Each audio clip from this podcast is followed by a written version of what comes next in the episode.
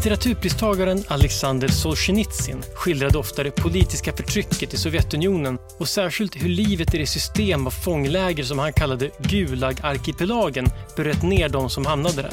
Fångarna tappade sin identitet, sin mänsklighet och till sist blev de just bara fångar. I romanen Cancerkliniken gjorde han sen kopplingen mellan det här och hur det var att ha cancer. Han kallade sjukdomen för ett medicinskt Gulag där den sjuke är fången i sin sjukdom. Och det här är en sjukdom som många har erfarenhet av.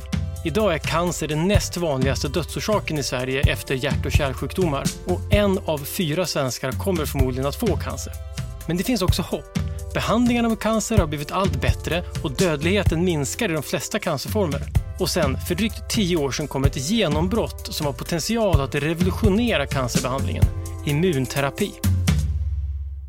Du lyssnar på Idéer som förändrar världen, en poddserie från Nobelprismuseet där jag, Gustav Källstrand, vill försöka förstå mer av de idéer och upptäckter som ligger bakom olika Nobelpris.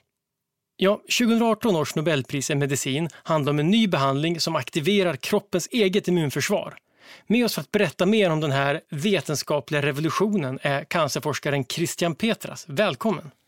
Tack! Ja, du jobbar ju med cancer, eller forskar om cancer. Känner du igen dig i den här beskrivningen av ett medicinskt gulag, alltså den här föreställningen om cancer som någonting som tar över väldigt mycket? Ja, det är en ganska bra beskrivning att cancern är ju någonting som kommer inifrån oss själva och eh, verkligen eh, kapar hela kroppen eh, och de organ som den växer i. Så att, eh, det är en bra beskrivning. För, för väldigt många är ju det här, själva ordet cancer bara väldigt stigmatiserat. Man, man får liksom svettningar bara man hör det. Ja, det har ju varit, eh, det är ett ord som är stigmatiserat på det sättet och, och många har ju traditionellt sett det som en eh, väldigt allvarlig eh, diagnos att få och, och, det stämmer ju fortfarande idag till stor del men samtidigt så har vi ju eh, vetenskapen gjort framsteg och vi har idag läkemedel som kan hantera många av de cancerfall så att det är inte samma dödsdom idag som det kanske har varit tidigare. Man räknar med att ungefär sju av tio personer som får en cancerdiagnos lever längre än tio år eh, med den diagnosen. Så att jag tror att vi måste börja nyansera den bilden lite så att det inte blir den här eh, väldiga känslomässiga laddningen kring diagnosen. Cancer mer och mer idag blir någonting som man lever väldigt länge med. Christian Petras är professor vid avdelningen för translationell cancerforskning vid Lunds universitet.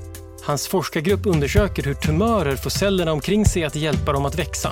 Han har också varit ordförande i Sveriges Unga Akademi och är en flitigt förekommande gäst i Sveriges Televisions Nobelprogram där han ofta får förklara medicinpriserna och deras betydelse. Cancer är egentligen ett samlingsbegrepp för ungefär 200 olika sjukdomar. Och det som är gemensamt för de här sjukdomarna är att eh, det är celler i vår kropp som har eh, tappat förmågan att kontrollera sin tillväxt. Och just kontroll av tillväxt är en oerhört fundamental del av vår eh, kropp eftersom eh, vi vill ju inte att kroppens organ ska växa mer än, eh, än nödvändigt. De behöver bara vara så stora som de är, så att säga. Så därför finns det en väldigt tajt kontroll av just tillväxt på våra celler. Och när någonting går fel i den här kontrollen, till exempel genetiska förändringar i cellernas eh, kontrollmaskineri för tillväxt, det är då cancer bildas när en cell okontrollerat börjar dela på sig och växa till, till en tumör. Och den här kontrollen, alltså i vanliga fall, hur, hur är det någonting som är aktivt? Jag hade tänkt annars att kroppen var programmerad för att helt enkelt sluta växa och så var det bra med det. Ja, den kontrollen ligger på flera plan. Eh, både inom varje cell eh, i sig. Cellen har ett maskineri som känner av när den behöver växa och, och när den inte behöver växa. Men det är också omkringliggande celler som eh, eh, liksom kontrollerar varandra. Så att eh, en cell blir hela tiden tillsagd av sina grannar att vi ligger här bredvid dig, du behöver inte växa, det finns inget utrymme, du kan hålla dig lugn. Och de har i sin tur också de, kring dem som säger samma sak till dem, så håller det på sådär? Precis. Okay. Så de, det är ett intensivt samtal mellan våra celler även, även under normala förhållanden. Bara det är en spännande bild att, att det är liksom ett det pågår saker helt enkelt. Ja, det är ju så också att eh, celler dör ju och byts ut vartefter i kroppen så att mm. eh, ibland måste ju celler växa och vi har ju organ, till exempel vårt, eh, vårt immunsystem och våra blodceller som byts ut flera gånger varje vecka. Och där finns ju en enorm celldelning som måste till. Men även det måste ju ske på ett kontrollerat sätt så att en cell som har tjänat ut sitt syfte och dör eh, måste ersättas av en och bara en annan cell.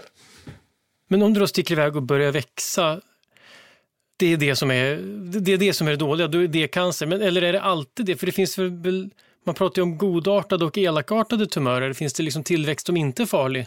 Ja, så skillnaden eh, i det fallet är att eh, de godartade tumörerna de eh, växer också till och bildar små cellklumpar. Då.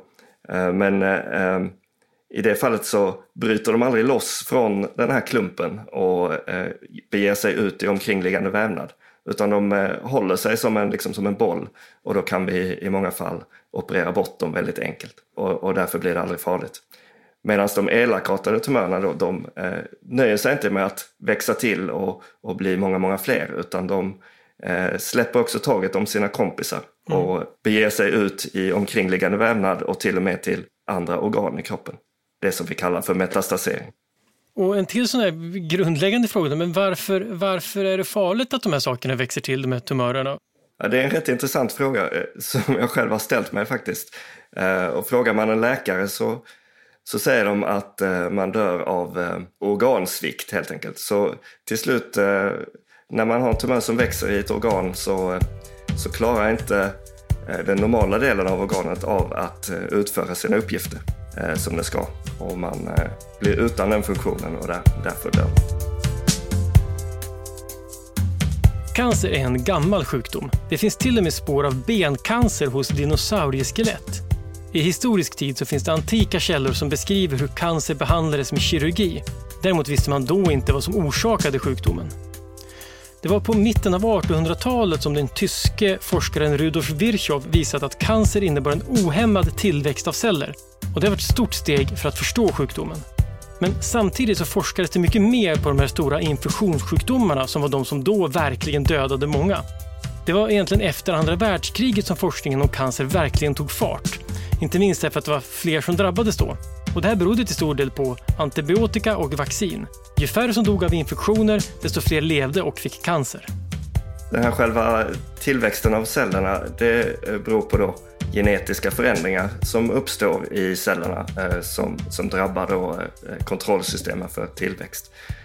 Och de här genetiska förändringarna kan uppkomma på olika sätt. Det kan vara mycket sånt som vi inte kan kontrollera, till exempel vår egen biologi som eh, ålder och eh, vårt genetiska arv. Eh, och till exempel vilken, om vi pratar hudcancer, vilken typ av hud man har. Har man ljus hud? Har man lite mörkare hud? Så det är en faktor i det här. En andra faktor till varför cancer bildas är ju då den miljö vi lever i. Olika faktorer som vi utsätts för i vår miljö, till exempel UV-strålning från solen, kan vara kemikalier runt omkring oss, det kan vara annan typ av strålning från radon eller om vi går till tandläkaren och röntgar oss eh, får vi en dos strålning. Eh, så allt sånt eh, som finns runt omkring oss i mm. vår miljö. För de orsakar mutationer, de här strålarna? Och, precis, och, precis. Mm. Och rökning förstås också? Ja, det, och det är den sista då, okay. anledningen till att vi får cancer. Och det är de livsstilsrelaterade cancersjukdomarna. Eh, man brukar säga att ungefär 30 procent av eh, alla cancerfall beror på vår livsstil och det är ju då faktorer som du säger, rökning, mm. Eh, alkoholintag, motion, vad vi äter och så. Sen är det lite farligt och liksom det handlar inte om att skuldbelägga folk för att de kanske har en osund livsstil eller så. Men vi har ju sett de här sambanden. Men självklart ligger det också en hel del slump i det här. Eh, vi vet att alla som röker kommer inte att utveckla cancer även om det är ett starkt samband.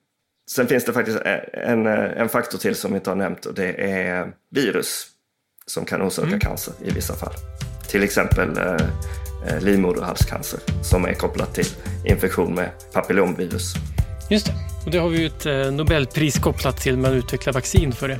Precis. Cancer kan orsakas av virus, något som bland annat Peter Roos har fått Nobelpriset för att ha visat. Men länge var kopplingen mellan cancer och virus osäker och när Harald Surhausen började undersöka sambandet mellan humant papillomavirus, HPV, och cancer var det många som var skeptiska. I flera decennier arbetade han i motvind och det krävdes stor uthållighet för att inte ge upp. Och att leta där ingen annan letar kan förstås ofta leda till att man inte hittar någonting.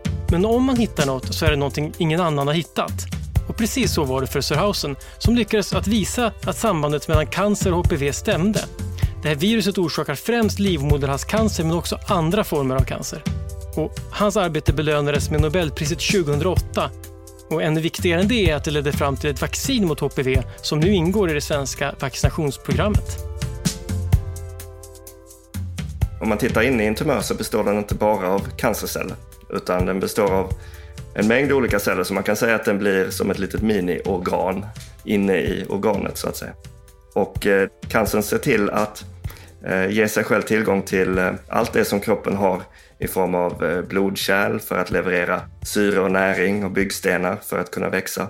Där finns eh, bindvävsceller som tillhandahåller lite struktur eh, och liksom är en byggnadsställning runt vilken tumören kan bildas. Och där finns celler från vårt immunförsvar som i vissa fall kan till och med hjälpa tumören att växa. Så att de har liksom ett eget system? Precis, de kommunicerar ju sina behov med omkringliggande vävnad och, och signalerar att nu behöver vi syre och näring här för att väx fortsätta växa och eh, då lockar de till sig, eh, eller de stimulerar blodkärl att växa in i tumören och för att eh, tillhandahålla detta. Eller att de behöver någonting annat i sin närhet skickar de ut signaler, både på kort och lång väg på olika sätt för att så att säga kapa kroppens normala försörjningsvägar. Och det är då man tänker att man kommer in på den här frågan, varför låter kroppen den göra det? Vi verkar inte skyddade mot det, utan kroppen tillhandahåller allt det cancern vill ha. Varför skyddar då inte immunsystemet oss? Ja, det svåra för immunsystemet i det här fallet är ju att det är tränat för att reagera på allt som är främmande. Men cancern är ju inte främmande till största del, utan det är ju en del av oss själva. Varje persons immunsystem är ju tränat på att inte reagera på sig själv. Men det som ger en liten öppning här till att immunsystemet faktiskt eh, kan reagera på cancercellers tillväxt, det är ju att eh, genom de här genetiska förändringarna som orsakar cancer så ser ju inte en cancercell riktigt likadan ut som en vanlig cell. Det finns en del små Eh, förändringar som ger upphov till att då immunsystemet skulle teoretiskt kunna känna igen cancerceller och eliminera dem. Och det vet vi att det sker faktiskt. Eh, till exempel kan man titta på eh, patienter som lider av HIV där de har en defekt i sitt immunförsvar tack vare den här infektionen av HIV.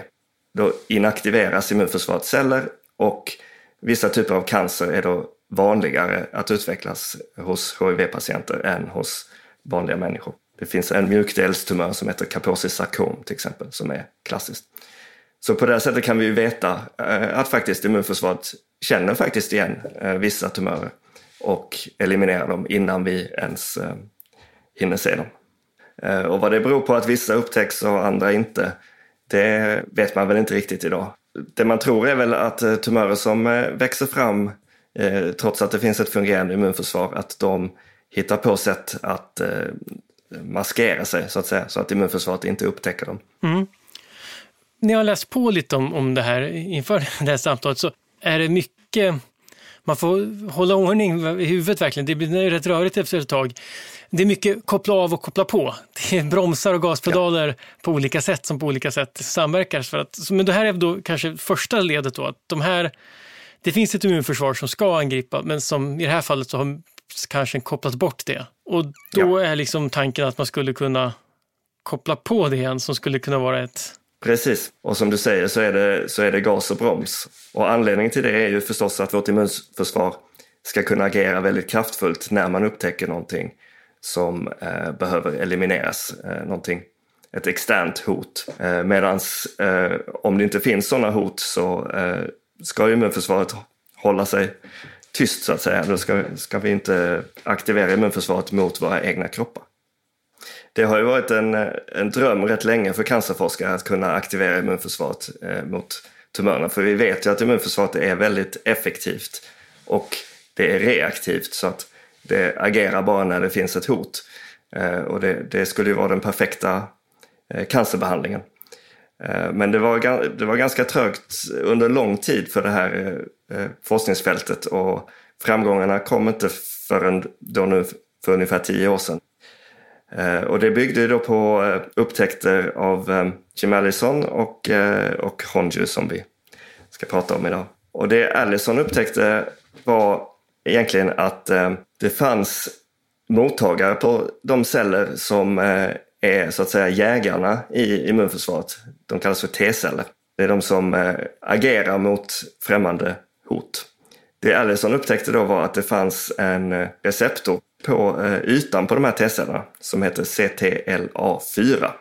Och det CTLA4 gör är att när den finns där så ser den till att T-cellen håller sig inaktiv helt enkelt. Så om vi går tillbaka ett steg och tänker hur, hur går det till när en T-cell blir aktiverad mot ett främmande hot?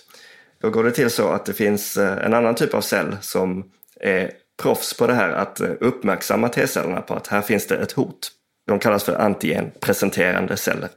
Och de här antigenpresenterande cellerna de plockar upp saker ur sin omgivning och eh, presenterar på sin cellyta. Och så fort en T-cell kommer förbi så skannar den av den här antigenpresenterande cellens yta. Och hittar den då något främmande så kommer den att bli aktiverad och gå tillbaka och aktivera sina kompisar som sen kan agera mot det här hotet. Men om då den här eh, mottagaren CTLA4 finns på ytan av T-cellen när den träffar på en sån här antigenpresenterande cell. Det som händer då är att istället för att eh, T-cellen blir aktiverad när den känner igen ett främmande hot så stängs den av. Så man kan säga att CTLA4 här är liksom en broms för immunsystemet som ser till att T-cellerna inte aktiveras. Och den låter ju som att den är helt värdelös att ha en sån broms, men den är bra att ta därför att om man till exempel träffar på en egen släde så, så är det bra att den finns där, för då ska den stängas av så att man inte, den inte går lös på... Precis, så immunförsvaret är ju riggat för att, för att inte attackera sig själv. Och eh, det här går ju också fel ibland. Eh, det, det finns ju autoimmuna sjukdomar. Mm. Eh. Det skyddar oss mot, mot autoimmuna sjukdomar som vad, vad det kan vara, MS och sånt. Precis, det är precis det som den har till uppgift. Mm. Så så långt så låter det, den bra? Med CTLA4? Så långt låter den bra. Och det var det, det, var det när, när den här CTLA4 beskrevs så eh, var de flesta forskare var väldigt upphetsade över den här upptäckten för att eh, eh, man då kunde kanske hitta ett sätt att eh, behandla autoimmuna sjukdomar. Mm. Men Jim Allison tänkte på ett annat sätt och han tänkte då istället på cancer och om man kunde blockera funktionen för CTLA4 för att ta bort den här bromsen så att säga. Så att Eh, om inte CTLA4 fanns så skulle de här T-cellerna när de träffar på den antigenpresenterande cellen och skannar av cellytan och ser mm. att här finns det ett kroppsfrämmande eh, ämne, då kommer T-cellerna att aktiveras istället. Mm. Så att om man går tillbaka till vad när jag sa tidigare att det här med på och av, men då är det helt enkelt så att cancern då den ser till de här CTLA4 att ja, men jag hör hemma här. Och då säger CTLA4 okej, okay, vi bromsar. Precis, precis. Och, och för CTLA 4 betyder kör på ändå att kör inte på, för den, den ska då... Exakt. Ja, det där är vi fram och tillbaka. Exakt. Den, den, den, Exakt. Och, och, det funkade då, med andra ord? Eftersom han fick Nobelpriset. Precis, så de, eh, det de gjorde då var att ta fram eh, eh, så kallade antikroppar, det är ett annat modeord idag, mm, som binder till CTLA4 och därför eh, stör ut funktionen hos CTLA4. Så att mm. det är som att T-cellen inte har CTLA4 på sin yta helt enkelt. Då är T-cellerna fria att bli aktiverade genom att cancercellerna då har de här genetiska förändringarna som gör att de ser lite annorlunda ut än en, en normal cell. Och nu är då immunförsvaret fritt att upptäcka de här små förändringarna och gå till angrepp. Och det är ett ganska kraftfullt angrepp om jag förstår saken rätt? Ja, vårt immunförsvar är ju, är ju oerhört kraftfullt. Mm. Eh, det vet vi ju hur det agerar mot eh, virus och, och eh, bakterier och andra infektioner till exempel. Mm. Så att det är väldigt effektivt i att eliminera främmande hot. Så fort det har blivit aktiverat, då bara kör det på. För jag vet att när det här priset kom så blev jag lite förvånad när, när just forskare eh, så beskriver immunförsvaret som så kraftfullt. Jag tänker att min fördom kanske var snarare att immunförsvaret, ja vi har det och det hjälper lite grann men det är tack vare att vi har massa mediciner och sånt som vi klarar oss mot sjukdomar och att immunförsvaret menar, eh, så mycket hjälper inte. Men, men faktum är att som jag förstår så är det då väldigt starkt och när man släpper löst det på cancer så är det väldigt effektivt. Att det, jag skulle trott att det liksom att det inte kunde göra så stor skillnad, men det kan det uppenbarligen. Ja, och det är ju tack vare det här kontrollsystemet med mm. eh, både gas och broms. Att det kan gasa väldigt kraftfullt, men eh, det kan också eh, bromsa väldigt kraftfullt. Mm. Eh, så att eh, i, i normalfallet så märker vi inte av det, men eh, när det väl aktiveras så, så är det ju väldigt kraftfullt. Mm. Och det var Jim Ellison och hans medpristagare Tasco Honjo, han jobbade inte med CTLA4 utan något som heter PD1. Är det, det är ju antar inte samma sak. Fungerar det på samma sätt? Nej.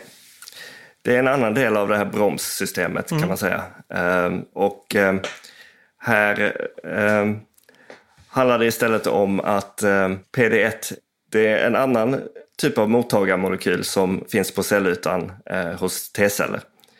Och den binder in till uh, något som heter PDL1 uh, som ofta finns på ytan av tumörcellerna.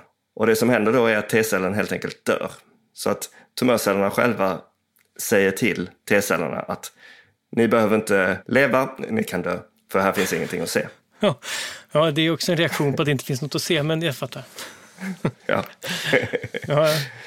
Så det, är lite, det är lite annan mekanism på det, men, men resultatet är detsamma, att den, den lurar, Precis. lurar T-cellerna helt enkelt, att det är friskt. Så att det är, det är två olika delar av det här bromssystemet, eh, mm. CTLA4 och PD1. Mm.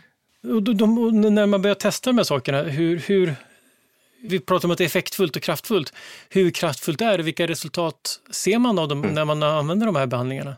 Det är väldigt kraftfullt eh, mot vissa typer av cancer. Framförallt då eh, hudcancer som malignt melanom mm. och njurcancer och lungcancer den så kallade icke småcellig lungcancer.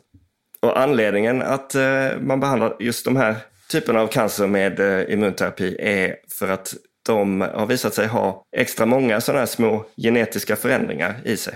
Så att de är nog förhållandevis enkla för immunförsvaret att eh, hitta när mm. väl immunförsvaret ges en chans att hitta dem. Och det kan man ju lätt förstå eh, genom eh, till exempel malignt melanom orsakas ju av eh, exponering för UV-ljus eh, genom solen. Och det här UV-ljuset orsakar mängder av små genetiska förändringar hela tiden. De flesta lagas ju förstås eh, av våra kroppar, men eh, i många fall i cancern så fungerar inte det här reparationssystemet och därför har den mängder av små obetydliga förändringar eh, i eh, genetiska förändringar. Mm. Så det finns mycket för immunförsvaret att upptäcka i en hudcancer. Och på samma sätt eh, för en lungcancer så är det rökningen som är boven. Tobaksröken orsakar också på kemisk väg då en mängd olika så här, eh, genetiska förändringar som gör att den cancern är förhållandevis lätt för immunförsvaret att upptäcka om man väl tar bort den här bromsen. Just det. det här var ju sjukdomar som eh, vi tidigare hade väldigt svårt att behandla, både malignt melanom och eh, lungcancer.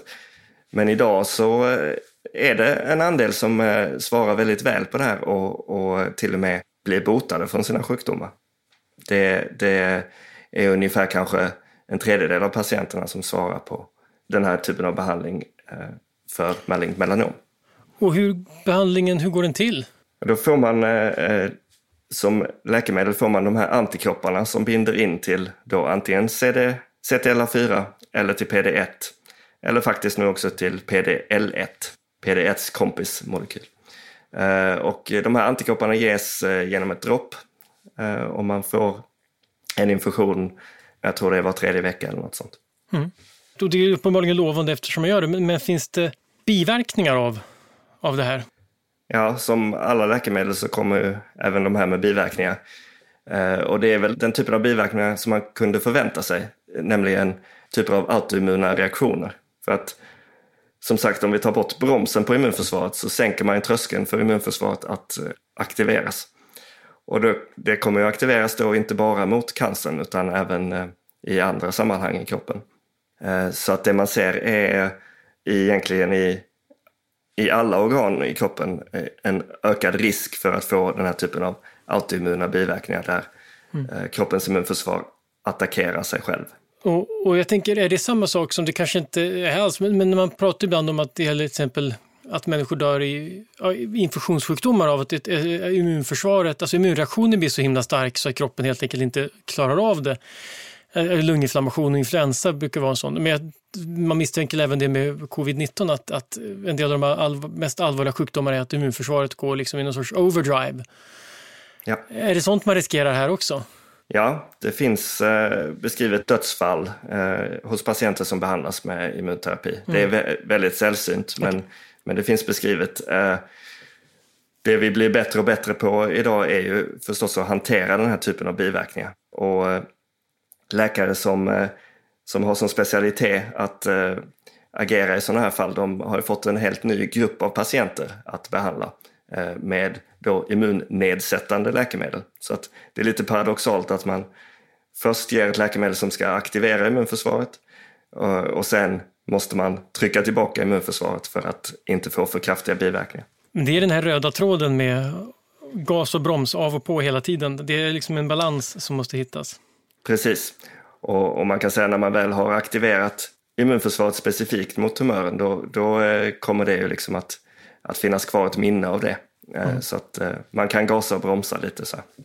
Och den här upptäckten, när den kom, så börjar man se det som att det här är liksom ett fjärde ben i cancerbehandlingen och de tre första är cellgifter, strålning och kirurgi. Då låter ju det här som en, en ganska ändå vad ska jag säga, mildare behandlingsform eller mindre invasiv och mindre skadlig kanske ändå, trots de här biverkningarna än de andra. Ja, cancerbehandling är ju i de allra flesta fall en multimodal behandling så att man får många eh, olika typer av behandling, eh, flera av de här som du nämner.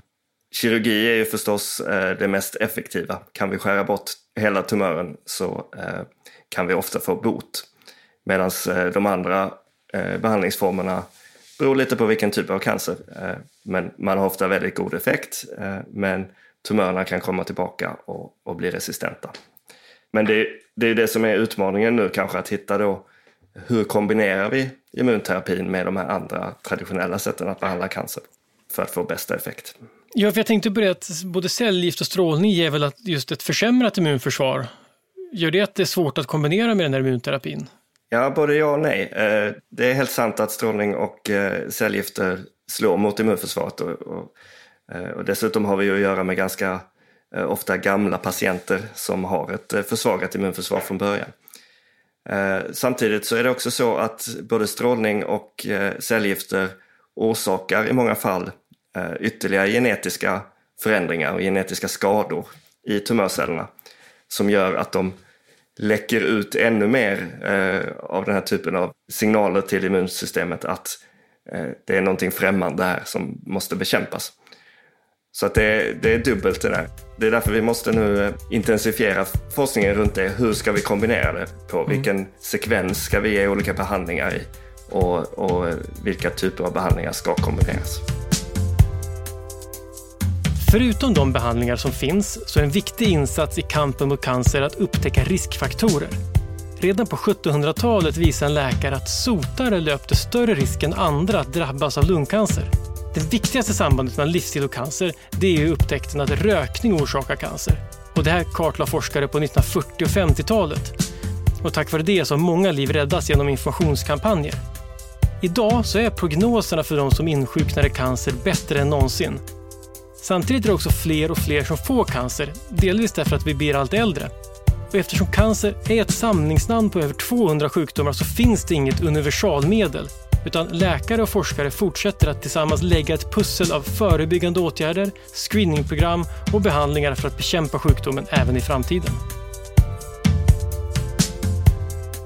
Man håller på att utforska redan idag, förutom det jag sa att man ska lära sig bättre mm hur man använder de här läkemedlen mot CTLA4 och PD1 eh, på det bästa sättet. Så finns det ytterligare eh, liknande läkemedel mot sådana här bromsmolekyler eh, som eh, testas. Så att det finns eh, ett antal ytterligare av den typen av immunterapier som kommer. Så. Sen finns det eh, andra typer av immunterapier som inte fungerar genom att dra bort bromsen. Till exempel finns det eh, någonting som används redan idag i vissa eh, typer av blodcancer eh, som heter CAR-T-terapi. Och eh, då tar man ut patientens egna T-celler och så modifierar man dem på ett sätt som gör att de blir målsökande mot tumörcellerna. så att de binder till eh, någonting som finns på ytan, en mottagare på ytan av tumörcellerna. Och det här eh, används idag redan. Det har börjat användas i Sverige och det är väldigt, väldigt dyrt. Eh, men har visat sig vara väldigt effektivt. Ja, eh, ännu så länge så finns det inte så många laboratorier som är godkända för att eh, just göra de här modifieringarna av patientens egna celler. Man kan inte ha ett läkemedel på hyllan för att ta ner och behandla patienterna utan man måste använda patientens egna celler. Men är det generellt ett, liksom en, en, en egenskap eller ett problem med cancer, just det här att ja, men som du sa, det kommer inifrån kroppen själv. Det är inte, cancern ser inte likadan ut. All cancerbehandling är ganska individualiserad och man får testa sig fram vad som funkar på just den patienten. Ja, varje tumör är ju unik och till och med så att varje tumör består av många olika delar. Det finns, hela tumören ser inte likadan ut utan eh, det kan vara olika behandlingar som fungerar olika bra på olika delar av tumören. Men det är också så när vi pratar om immunförsvaret att varje immunförsvar är ju unikt. Det är ju designat under fosterstadiet specifikt för, för dig. Så att eh, när vi pratar om den här typen av eh, KT-terapier där man vill eh, då använda kroppens egna T-celler, då eh, måste det ju vara dina egna, annars så kommer ju din kropp att stöta bort dem direkt. Om du skulle spruta in någon annans T-celler i dig. Finns det ett annat sätt, eh, tänker jag, nyfiket på, ja. med immun, immunförsvar mot, alltså ett sätt att använda immunförsvaret är ju vaccin, att man boostar immunförsvaret. Kan man använda det här för att skapa vaccin mot cancer? Och hur skulle det fungera? Ja, det utvecklas cancervaccin eh, också. Det finns ju dels eh, det som man kan tänka sig som en indirekt eh, vaccinationseffekt som vi pratade om med, papillomvirus, mm. humant papillomvirus som orsakar livmoderhalscancer. Och eh, när vi nu då har utvecklat och ger till eh, flickor och snart pojkar också i 11-12-årsåldern eh, mm. vaccin mot HPV så förebygger man ju då också utvecklingen av cancer. Men sen finns det, det det, som kallas för terapeutiska vaccin där vaccinet i sig då behandlar en tumör som redan finns. Och eh, den utvecklingen har väl inte kommit riktigt lika långt men den pågår. Och, och det man gör då är att försöka hitta proteiner i cancercellerna som är förändrade på ett sådant sätt att de kan ge upphov till ett immunförsvar om man då vaccinerar mot det här proteinet. Men då handlar det om att vaccinera så att man kan stoppa tillväxten, för man kan inte vaccinera mot att uppkomsten helt och hållet eftersom det just är mutationer och de är väl kanske svåra att eller det vill man kanske inte ens vaccinera mot? Nej, det, det är svårt att förutspå de mm. eh, mutationerna så att det, det, är svårt att designa ett vaccin på det mm. sättet. Men det finns väldigt mycket lovande med den här immunterapin och stor potential. Tror du att, att vi kommer kunna övervinna cancer? Och jag tänker inte så att vi kan hitta ett universalläkemedel, för det verkar väl svårt, men att, att vi skulle kunna förvandla det till en icke-dödlig sjukdom. Vi var inne på det i början, att, att vi ska tänka på det som något man kan leva med längre i alla fall. Absolut tror jag det eh, med tiden, men eh, vi behöver tålamod och, och mycket forskning eh, för att komma dit. Det är just tålamodet som är, är det viktiga här för att eh, cancerforskning går i små, små steg hela tiden. Utvecklingen av immunterapi var ju ett, ett jätteskutt i vår värld och, och det är rätt sällan som vi ser det. Ofta så handlar det om små, små framsteg hela tiden i hur vi lär oss att använda de läkemedel vi har och, och utveckla nya läkemedel.